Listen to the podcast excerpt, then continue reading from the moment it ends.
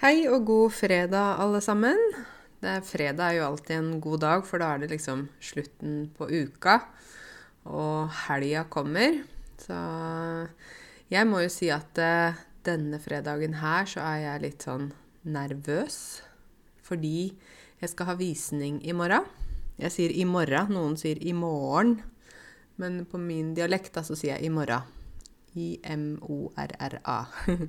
Jeg skal ha visning i morgen um, i huset mitt, så jeg kjenner at jeg er litt sånn Går rundt og er litt spent og litt nervøs. Jeg hadde jo uh, fotografering av uh, huset forrige uke. Uh, da kom det en fotograf hit og tok bilder. Hun holdt på i jeg tror kanskje tre eller fire timer. Å holde på betyr at man gjør en aktivitet over lengre tid. F.eks. Jeg jeg holder på å lage mat. Da betyr det at jeg driver med det. Jeg gjør det. Så hun holdt på å ta bilder i eh, huset her i mange timer. Hun var veldig, veldig flink. Tok veldig fine bilder. Så jeg syns jo resultatet ble veldig bra. Og jeg elsker jo egentlig denne boligen. så jeg må si at det er vemodig å selge, men så er det jo sånn at man kan ikke sitte med rumpa si på to stoler. Skjønner du det? man, altså, man har ikke liksom bruk for to hus heller, så uh, jeg må selge, og sånn er det bare. Og nå har jeg på en måte akseptert dette for meg selv, da, at jeg skal selge boligen min. Så jeg føler nå for tiden at jeg er i en sånn boble. Du vet uh, såpeboble? Når barna blåser sånn såpebobler. Eller um, ja, en boble. Så jeg er inne i sånn bolig boble. Så liksom hele verden min handler om bolig og finn.no og ja, det er bolig, bolig, bolig. Så jeg gleder meg egentlig til det er over og til eh, boligen er solgt. For da kan jeg se fremover og fokusere på det nye huset. Så jeg er i boligbobla. eh, hvis noen av dere har lyst til å se eh, huset mitt, leiligheten min, på Finn, da kan dere jo gå inn og sjekke. Det er da må dere søke på Gangstuveien i Oslo. Da får dere opp boligen Gangstuveien. Så kan dere se hvordan jeg bor. jeg syns det er en veldig fin, eh, fin, bolig. Jeg elsker jo Det snakket jeg om forrige podkast også, at jeg elsker sånne gamle trehus. Eh, og hus med sjel. Så eh, det syns jeg det er her, da. Jeg husker jeg hadde Det er en venninne av meg som er finsk. Hun bor i Helsinki i Finland. Og hun er gift med en mann fra Egypt. Og de har vært eh, gift veldig mange år. De møttes i Roma i Italia, og, og de snakker faktisk italiensk sammen hjemme for å eh, vedlikeholde språket. Og vedlikeholde betyr å passe på at noe ikke blir ødelagt eller gammelt. Akkurat som du vedlikeholder en bil, eller du vedlikeholder et hus. Ikke sant? Du må på en måte male huset, du må fikse noen ting av og til, sånn at huset holder seg eh, ordentlig. Så de vedlikeholder eh, italiensken sin uh, hjemme. De snakker italiensk sammen. Og så besøkte jeg de for noen år siden.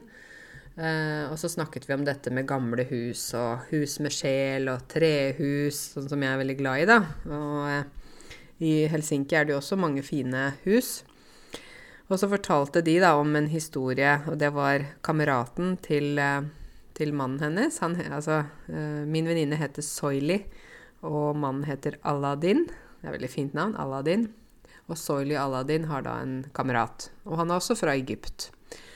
Og Egypt kjenner vi jo, det er jo et land som har veldig, veldig mye historie. Det er jo ikke sant, der man har funnet pyramider, og mumier og veldig mange spor etter gammel sivilisasjon. Ikke sant?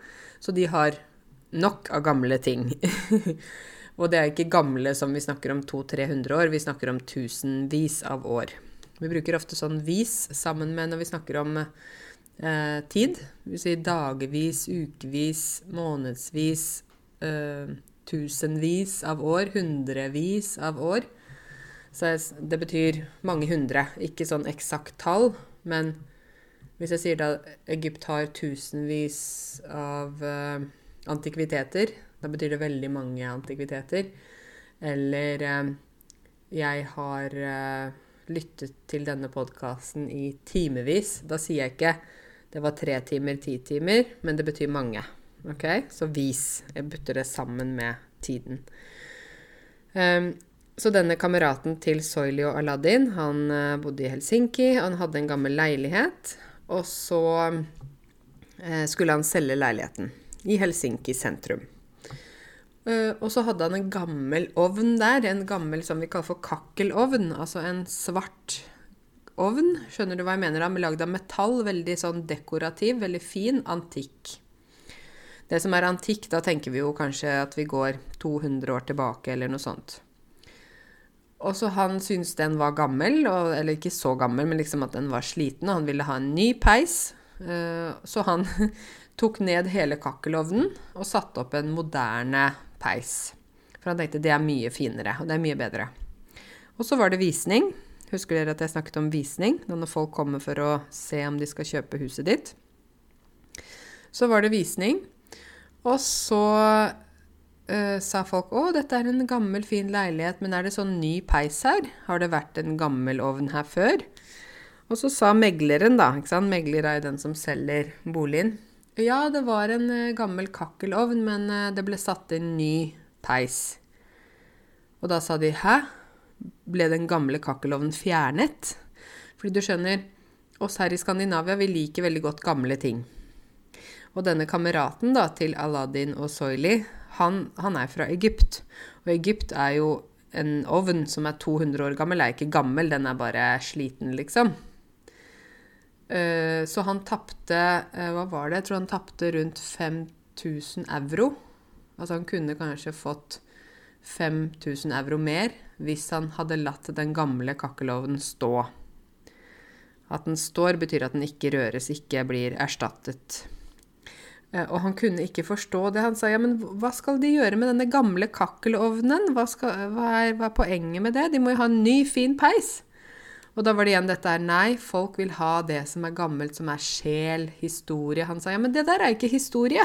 Det er bare 200 år gammel. Er, hallo, jeg kommer fra Egypt. Vi har jo 2-3-4-5-10 000 år gamle ting. 200 år er jo ingenting. Den er jo bare sliten. Det er jo ikke noe antikvitet. så han forsto ikke, og han tapte penger på at han faktisk tok ut den gamle kakkelovnen. Fordi den fungerte bra. Eh, så det var ikke noe galt med den, men han sa dette gamle greiene her må vi bare fjerne. Ikke sant? Så her er det med gamle ting viktig. Um, Bishar, som jeg er sammen med, han er jo fra Kenya, og, og han ser heller ikke verdien i de gamle tingene på samme måte som meg. Så han kan si ja, men denne, dette skapet her er jo gammelt, Karensi, vi må kjøpe nytt. Han også har det samme tankegangen. Tankegang betyr hvordan man tenker. Han har den samme tankegangen som eh, vennen til Soili og Aladdin i Helsinki. Um, så han sier 'Hvorfor skal du ha så mye gamle ting?' Nei, det er jo gammelt, det fungerer jo ikke så bra. Det er jo litt mer eh, skjørt.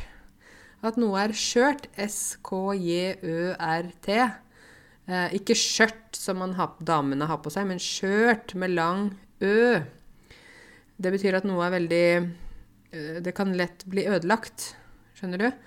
Hvis vi f.eks. har eh, et vinglass av tynt glass, det er skjørt. Eh, fordi det kan lett knuse, ikke sant? Eh, og gamle ting er jo også skjøre, fordi de er gamle, ikke sant? Og de kan jo lett bli ødelagt. Eller hvis du flytter på de, eller noe sånt, så kan de Ja. Så øh, Nei, men, men, her så handler det mye om det med det gamle og det, det, det som gir oss sånn følelse av at historie Det har vært historie lenge, da. Og jeg husker veldig godt da jeg flytta til Vancouver i Canada etter videregående. Så er jo Vancouver en fantastisk flott by. Nydelig by nede ved vannet, ikke sant. Man har Whistler Mountains bak der, som er Man kan stå på ski, og man kan faktisk også svømme i havet samme dag. Um, det er en kjempefin by. Det er uh, veldig rent, det er hyggelige mennesker, alt det der. Men jeg husker da jeg var der, så husker jeg tenkte det er noe som mangler. Hva er det som mangler? Det er noe jeg savner. Og jeg forsto liksom ikke helt selv at hva det var, da. Så jeg tenkte mye på dette her. Og så etter hvert forsto jeg Ja, det som mangler, er historie. Bygningene er ikke historiske. Bygningene har ikke vært her lenge, for Vancouver er en ganske ny by. Den var liksom, På den tiden var det en rundt 100 år gammel by. Det betyr at bygningene er ikke gamle. Du kan ikke se spor av historie. Og det var det jeg savnet. Selv om jeg tenkte at det, men det er ikke så viktig, eller det går bra, eller ja. Så var det det jeg savnet. Så for meg så er det der veldig viktig. Um, og det, det, er også sånn veldig mange nordmenn tenker, da, så jeg vil at dere skal på en måte forstå det litt, at det faktisk er viktig. Og da snakker vi om gamle ting som er godt bevart. At man bevarer noe, betyr at man passer på det og, og ikke ødelegger det, ikke sant? Det kan jo være gamle ting som er dårlig bevart, og da, da er det ikke verdifullt. Men det må være pent liksom behandlet. Eh, og så skal man da helst ikke eh, Altså hvis man har Man kan jo male Hvis jeg har treskap, ikke sant, gammelt treskap, så kan jeg male det. Det går greit. Men eh, ting som er originalt, da, er jo ofte også verdifullt fordi det går som antikviteter. Ok, nok om det. Jeg kunne snakke evig om dette her antikvitetsgreiene mine. Men eh, over til dette med bolig og sånn. Så nå er det visning her i morgen. Og nå er det privatvisninger, fordi pga. korona så er det sånn at eh, man ikke kan ha masse folk som går inn og ut. ikke sant? Vi må ta én og én. Um, så det blir veldig spennende. Og da kommer jeg bare til å gå en tur med Bahia eller noe sånt mens det er visning. Så er megleren med de som kommer på visning og forteller ja, her er bad, og her er sånn, og det er sånn, og her kan du gjøre sånn. Ikke sant? Så de meglerne prøver jo å selge. Målet deres er å selge, rett og slett. Um, noen meglere er veldig kyniske.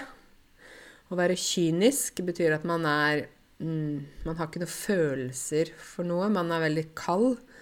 Man bryr seg ikke om hva andre føler. Man bare kjører på uten å ikke sant? Man skal bare selge.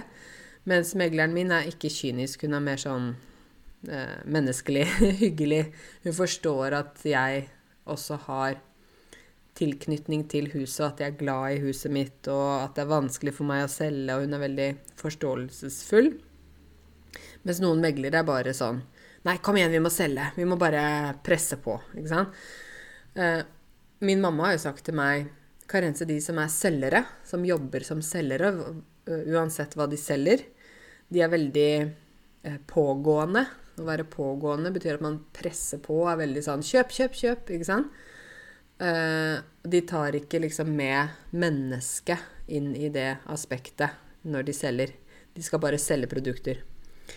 Um, og jeg er sånn, jeg er ikke en selgertype. Dere vet, jeg har jo nettskole, og jeg har nettkurs og sånn. Men for meg så er det sånn at jeg vil at de studentene som kommer til oss, jeg ønsker at de skal, ønsker å komme til oss. Ikke at de øh, føler seg pressa til å ta kurs hos oss, f.eks. Så jeg sier alltid liksom Hvis folk spør kan jeg få mer informasjon om norskkurs, kan jeg få informasjon om B2-kurs f.eks., ja, jeg sender dem informasjon. Og så skriver jeg 'bare spør hvis du lurer på noe'. Og så tenker jeg at da får de lese selv. Jeg gidder ikke da å begynne å stresse og sende e-post neste dag. 'Hei, har du lest informasjon? Hva tenker du? Vil du kjøpe kurs?' Fordi selv så Jeg kan ikke fordra Dette er sånn ord, dere. Jeg kan ikke fordra at noen presser meg sånn. Det betyr jeg liker det absolutt ikke. Jeg kan ikke fordra at noen presser meg til å kjøpe ting.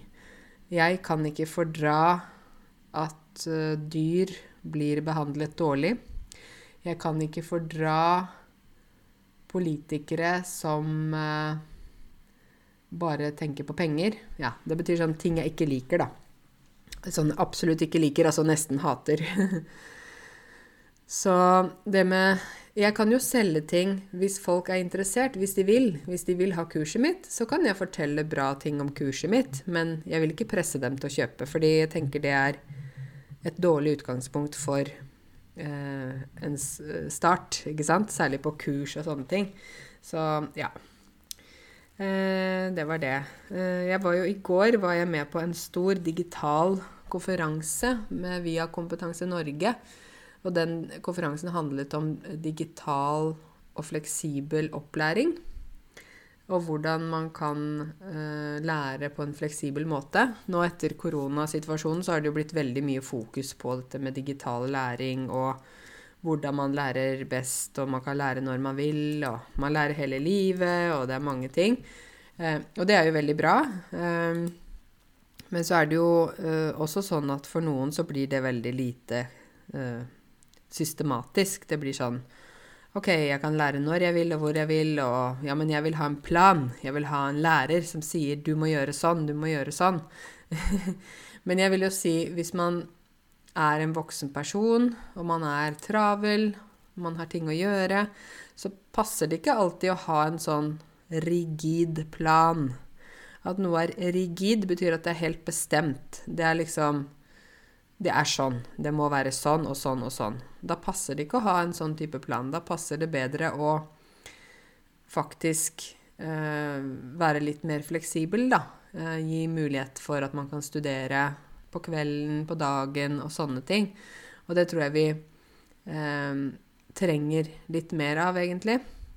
Uh, I hvert fall oss som er travle og har mye å gjøre, og noen har familie og jobb. ikke sant? Det er mange ting, så man trenger den fleksibiliteten. Uh, så jeg var altså med på denne store digitale konferansen. Det var 700 påmeldte. Påmeldte betyr det er påmeldte. Hvor mange påmeldte er det på dette kurset, f.eks.?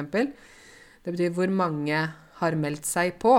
Så hvis jeg har meldt meg på en konferanse, et kurs, eller hva som helst, da er jeg en påmeldt. OK? Så det var 700 påmeldte til konferansen. Altså det er mennesker som har meldt seg på. Det var ikke 700 som kom på konferansen, men vi startet klokka ni. Og da brukte vi Zoom hele dagen.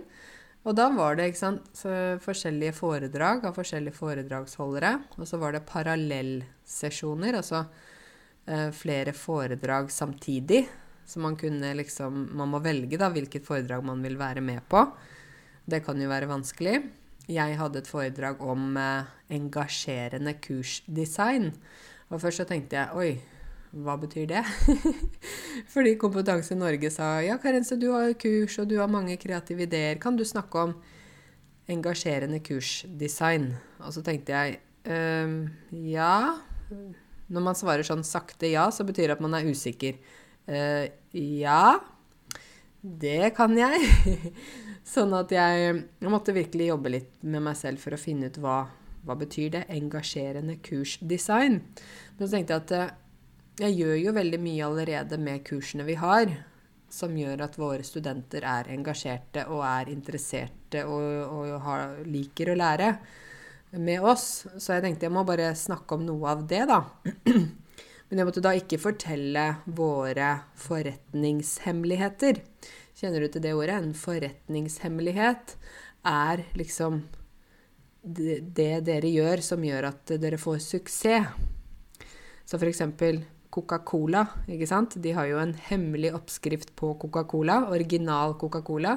De kan ikke fortelle andre brusprodusenter hva de gjør som gjør at Coca-Cola er så populær. Det er jo deres forretningshemmelighet. Så jeg kan jo heller ikke fortelle akkurat hvordan vi jobber på skolen min, og akkurat hva vi gjør, og akkurat hvordan det er. Fordi da kan jo noen komme og kopiere, liksom. Men så er det jo også sånn jeg tenker at ja, altså folk kan jo prøve å kopiere, men jeg er uansett meg selv. Eh, og noen De kan ikke kopiere meg. ikke sant? Så karense er karense, og en annen lærer er en annen lærer, og en annen skole er en annen skole. Så jeg er ikke redd for konkurranse. Jeg tenker egentlig at konkurranse er bra. Fordi hvis det er konkurranse mellom bedrifter, så gjør at man hele tiden må tenke nytt, og man må hele tiden produsere og hele tiden være aktiv, da. Men, så jeg fortalte ikke mine forretningshemmeligheter, men jeg fortalte litt om sandkasselæring. Det kan jeg fortelle litt uh, for dere også, hva sandkasselæring er. For du vet sandkasse når barna sitter i sandkassa og graver, uh, ikke sant. De har bøtte, de har spade. Så har de noen sånne sandformer, og så lager de sandslott. Noen har en liten sånn gravemaskin og graver i sanda. Ja. Så der, ideen er at um, Man skal få forskjellige muligheter innenfor et kurs, eller det man skal lære. Og så kan man bestemme selv hva man ønsker å bruke av, av de eh, ressursene da, som er der. Så f.eks. på våre kurs så har jo vi bruker, Vi bruker YouTuben min, vi bruker Facebook-gruppa, vi har nettkurs, vi har korreksjon tekster. Vi har sånn privat uh, Skype-undervisning. Vi har webinarer. Vi har Instagram som bruker Altså, så kan folk bestemme selv hva de har lyst til å lære. Ikke sant? Og det tenker jeg er jo veldig fint, fordi det betyr at de kan eh, faktisk Ok, noen vil se masse på YouTube og trenger litt tips. Da bruker de YouTube. Mens noen vil gjerne være medlem av Facebook-gruppa mi, og da bruker de den. Eh, noen er veldig opptatt av å bare skrive tekster og skrive og skrive og skrive. Da jobber de mye med det. Ikke sant? Så man skal kunne få eh, bestemme selv hvilke verktøy da, i den sandkassa, altså hvilke verktøy på kurset man har lyst til å bruke for å lære, og hva som fungerer best for en selv, da. Og det tenker jeg er fint, ikke sant? for da har man jo mulighet til å velge læringsveien selv. Og det syns jeg er viktig, særlig når vi er voksne. Fordi vi vet ofte veldig mye om hva vi vil, og hva vi ikke vil. Vi er nesten sånn som barn. ikke sant? De sier, barn er også veldig bestemte av og til. 'Nei, jeg vil ikke det.' Eller 'jo, jeg vil sånn'. Så uh, det at vi har valgfrihet, eller valgmulighet, er verdifullt. Det passer bra for voksne. Så jeg hadde da her, dette foredraget i går. Jeg tror det var 50 eller 60 personer som fulgte med på meg. Og så ble jo dette tatt opp. ikke sant? Det ble tatt opp, så det betyr at man kan se det igjen senere. Jeg skal um, publisere det på Facebook-gruppa når det er uh, klart, den videoen. Og så, litt senere på den digitale konferansen, så ble jeg intervjuet av en annen eh, lærer som også har en podkast. Og hans podkast heter 'Lektor Lomsdalens innfall'. Han er jo lektor, altså lærer, ikke sant? Så han intervjuer andre lærere, andre pedagoger, om alt mulig som har å gjøre med opplæring. Eh, så det var veldig spennende. Han stilte meg mange spørsmål, og han kjenner ikke så godt til dette med voksenopplæring. Så jeg kunne jo fortelle han hvordan jeg bruker podkast for at dere skal lære, for vi hadde fokus på podkast. Og han sa ja, hva, hva, er det som er bra for de som lærer seg norsk? Hva, hvorfor er podkast bra for dem? Og da sa jo jeg bl.a. i hvert fall det som jeg har hørt fra en del av dere, er jo det at podkast er jo også veldig fleksibelt, ikke sant? Du kan høre når du vil, og hvor du vil. Du kan jo gå på tur og høre på podkast. Du kan kjøre bil, sitte på buss, lage mat, vaske. Ikke sant? Du har jo hendene frie. Du kan ha bare sånn Uh, høre på ørene fra, altså fra headphones, ikke sant? eller sånn AirPods eller noe sånt, og gå og gjøre andre ting samtidig som du hører og lærer. Så jeg sa til han Christian, da, som intervjuet meg, at eh, podkast er veldig fleksibelt. Uh, og det gjør at man ikke må sitte ved et bord og lære, på en måte. Man kan faktisk gjøre mange ting samtidig som man lærer. I tillegg så er jo podkast for dere så er podkast veldig bra for lytteforståelse, ikke sant? Eh, og det betyr jo at eh, dere hører på meg snakke. Og så er jo målet at dere skal prøve å forstå hva jeg sier, og det håper jeg at dere gjør. I hvert fall for det meste. Jeg snakker jo saktere på denne podkasten enn hvordan jeg f.eks. snakker med mine venner og familie. Da snakker jeg mye fortere, ikke sant? Men jeg snakker ikke så sakte at det blir sånn Hei, hva heter du? det er ikke sånn. Men det er litt saktere, fordi jeg tenker at det viktige er at dere forstår hva jeg sier. Så jeg har jo fokus på det. Så han uh, var sånn var hyggelig å bli intervjua, da. Altså, det var liksom De tok opptak av denne live-podkasten, da. Så jeg syns det, det, var spennende. Det var gøy å være med på en stor digital konferanse. Jeg føler jo at uh, når jeg er i det digitale verden, da, så er jeg i mitt rette element. Har du hørt det før?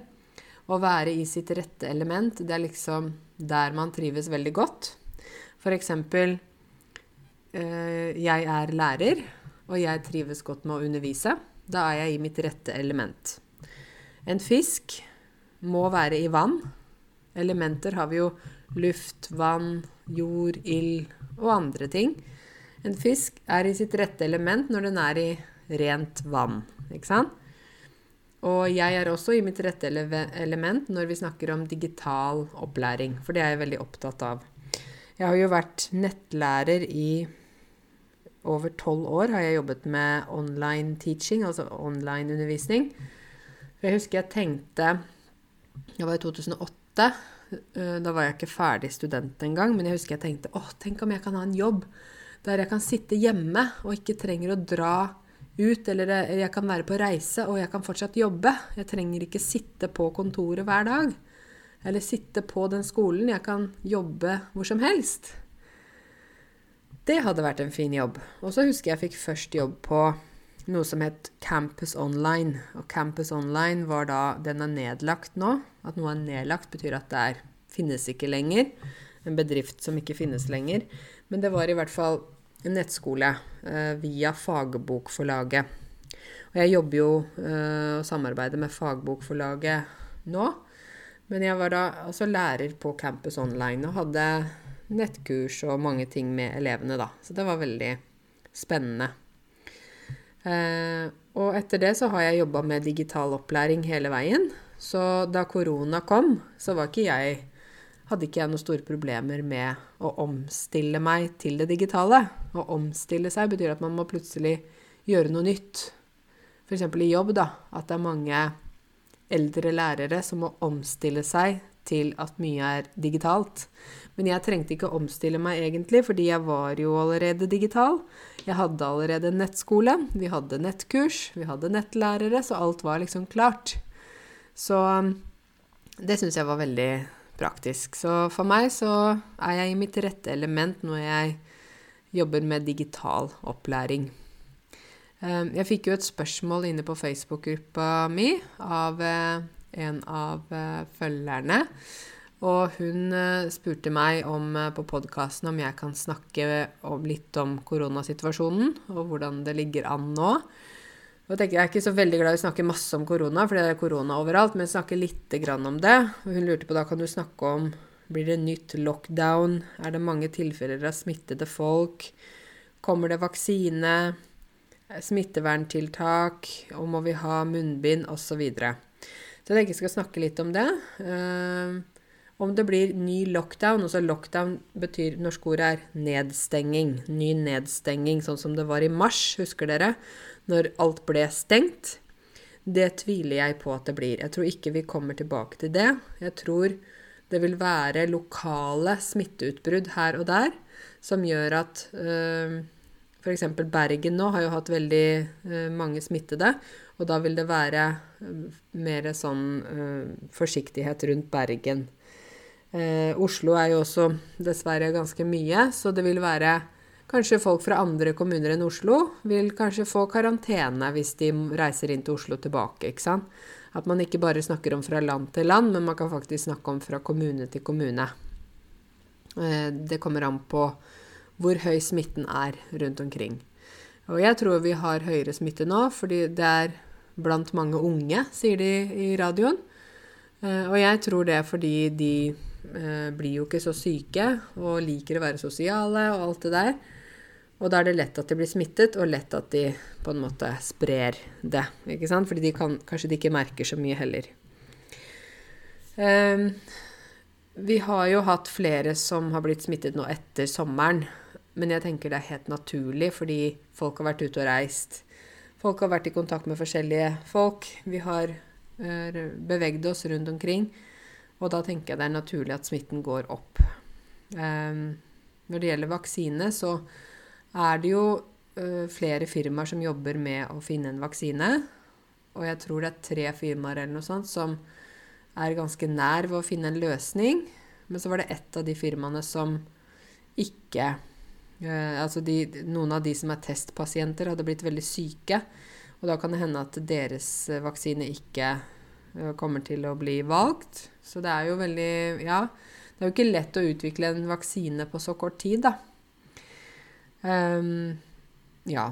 Og når det gjelder smitteverntiltak, så er det jo hele tiden, da Hold én meters avstand, minst én meters avstand. Uh, de anbefaler at man bruker munnbind på kollektivtrafikk.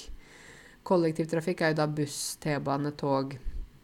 Men de anbefaler det, men de har ikke påbudt det. Å påby noe betyr at man må. De har ikke sagt det man må, fordi da hadde jo alle på bussen hatt munnbind. Men det er det ikke alle som har. Um, så det er anbefalt, ikke påbudt. Uh, jeg tenker det med munnbind uh, Det er jo ikke bare for å beskytte andre, men det er jo for også at andre skal bli beskyttet mot deg, da. Ikke sant? Uh, jeg har ikke brukt munnbind. Jeg prøver å egentlig holde meg unna kollektivtrafikk. Jeg kjører jo bil, så jeg tar ikke buss og sånt. Eller så sykler jeg. Um, jeg prøver å ikke gå på steder der det er kjempemange mennesker. F.eks. Oslo sentrum eller Oslo City kjøpesenter og sånn. Jeg kjenner at uh, jeg vil ikke det nå. Jeg trenger ikke gå i Oslo sentrum. Jeg kan vente.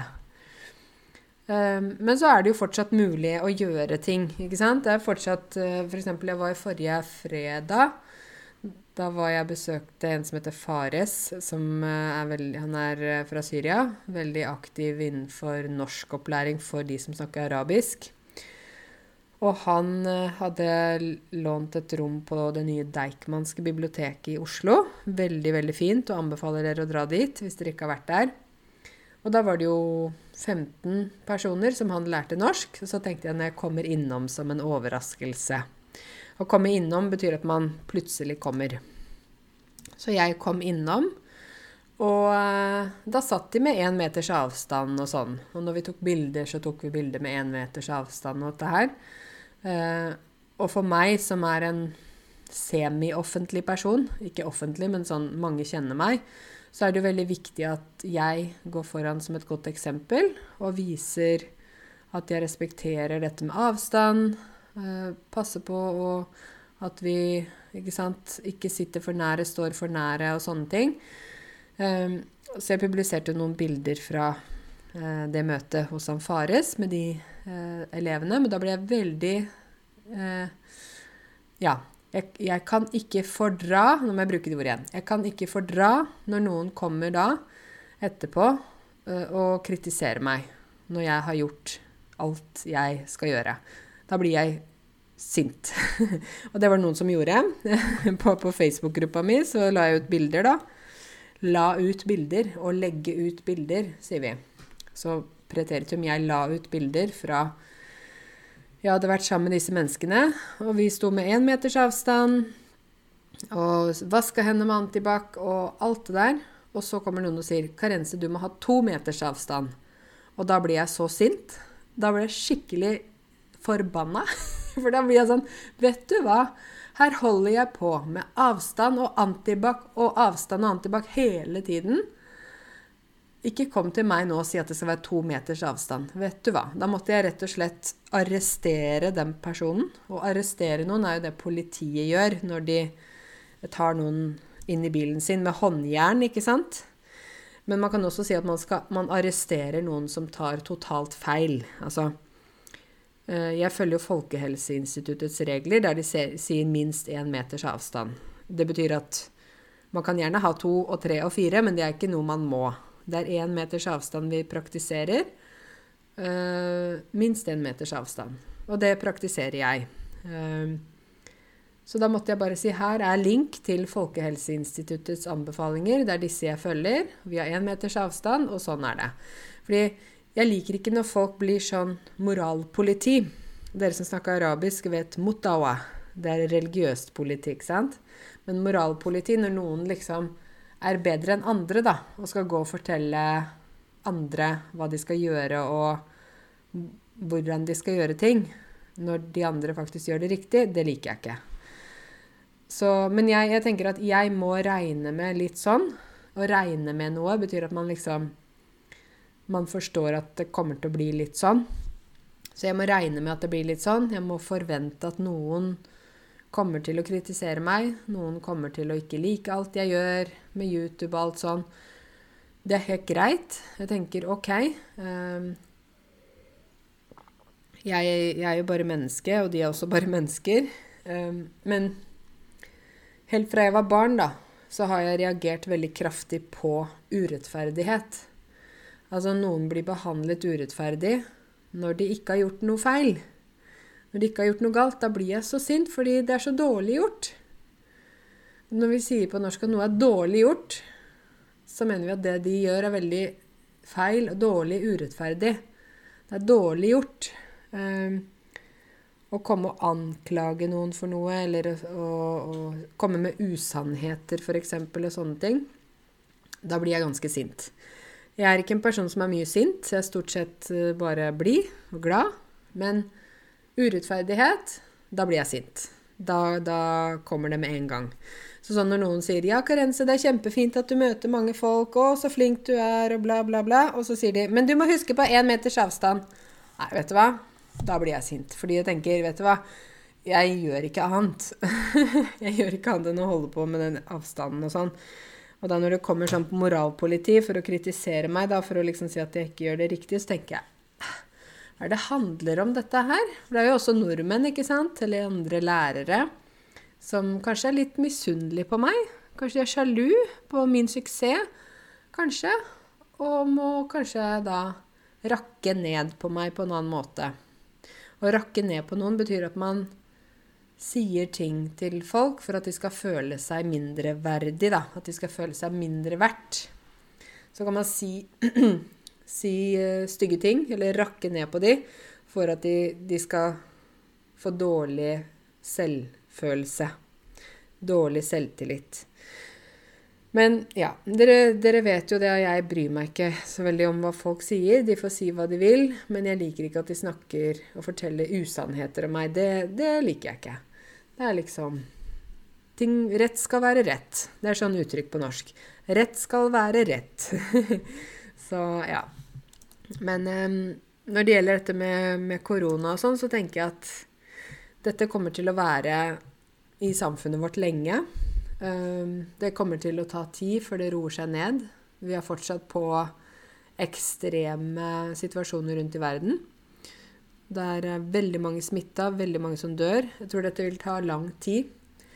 Det jeg syns er bra med det med korona, er det som skjer rundt oss.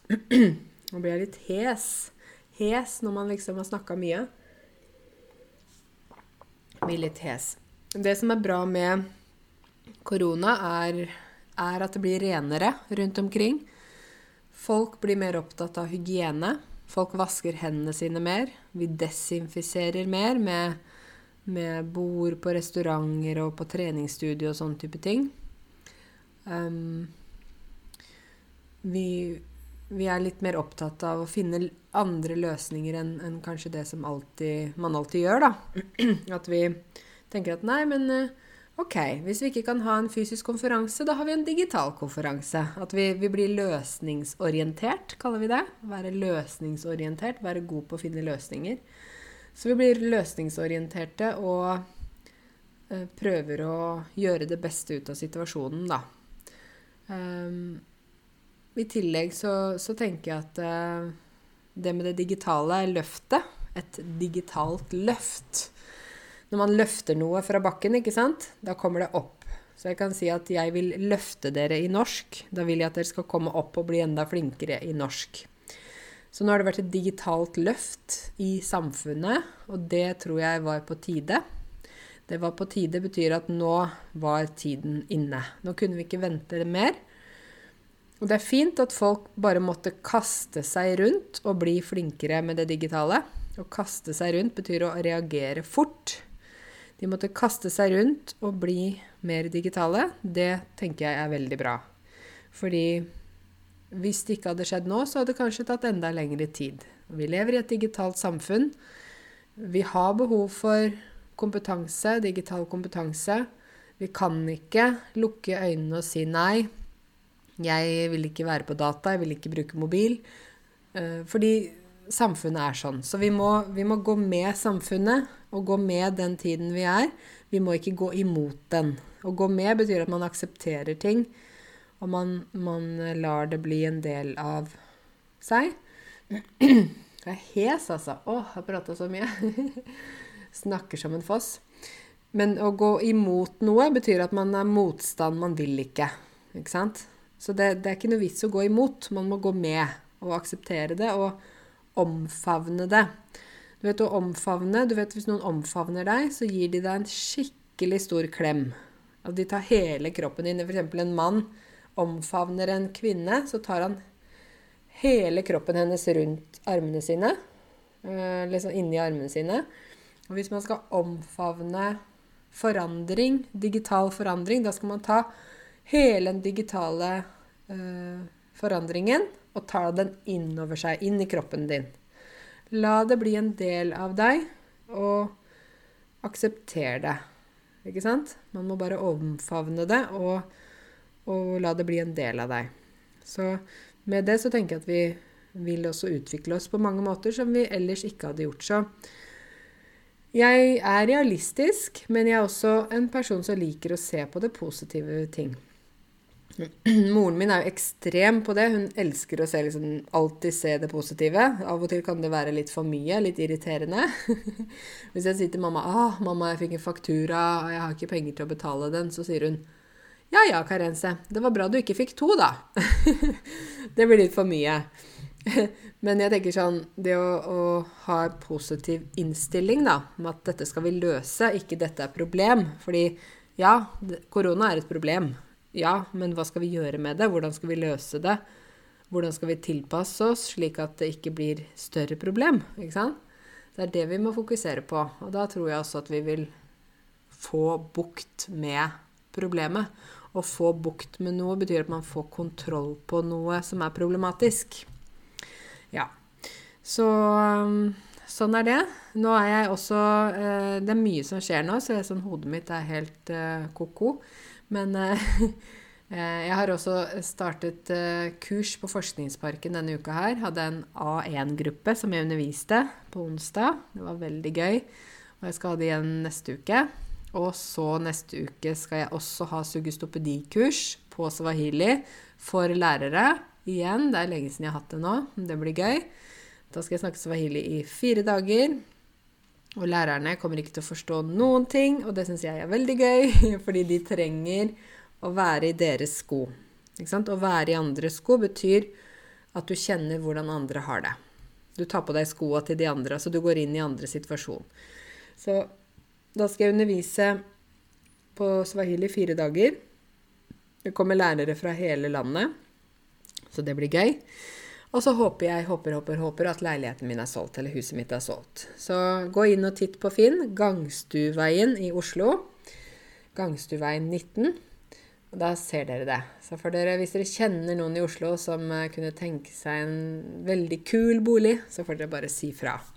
Jeg håper at det kommer noen inn her som passer i huset, og som kan bli gode naboer for mine naboer.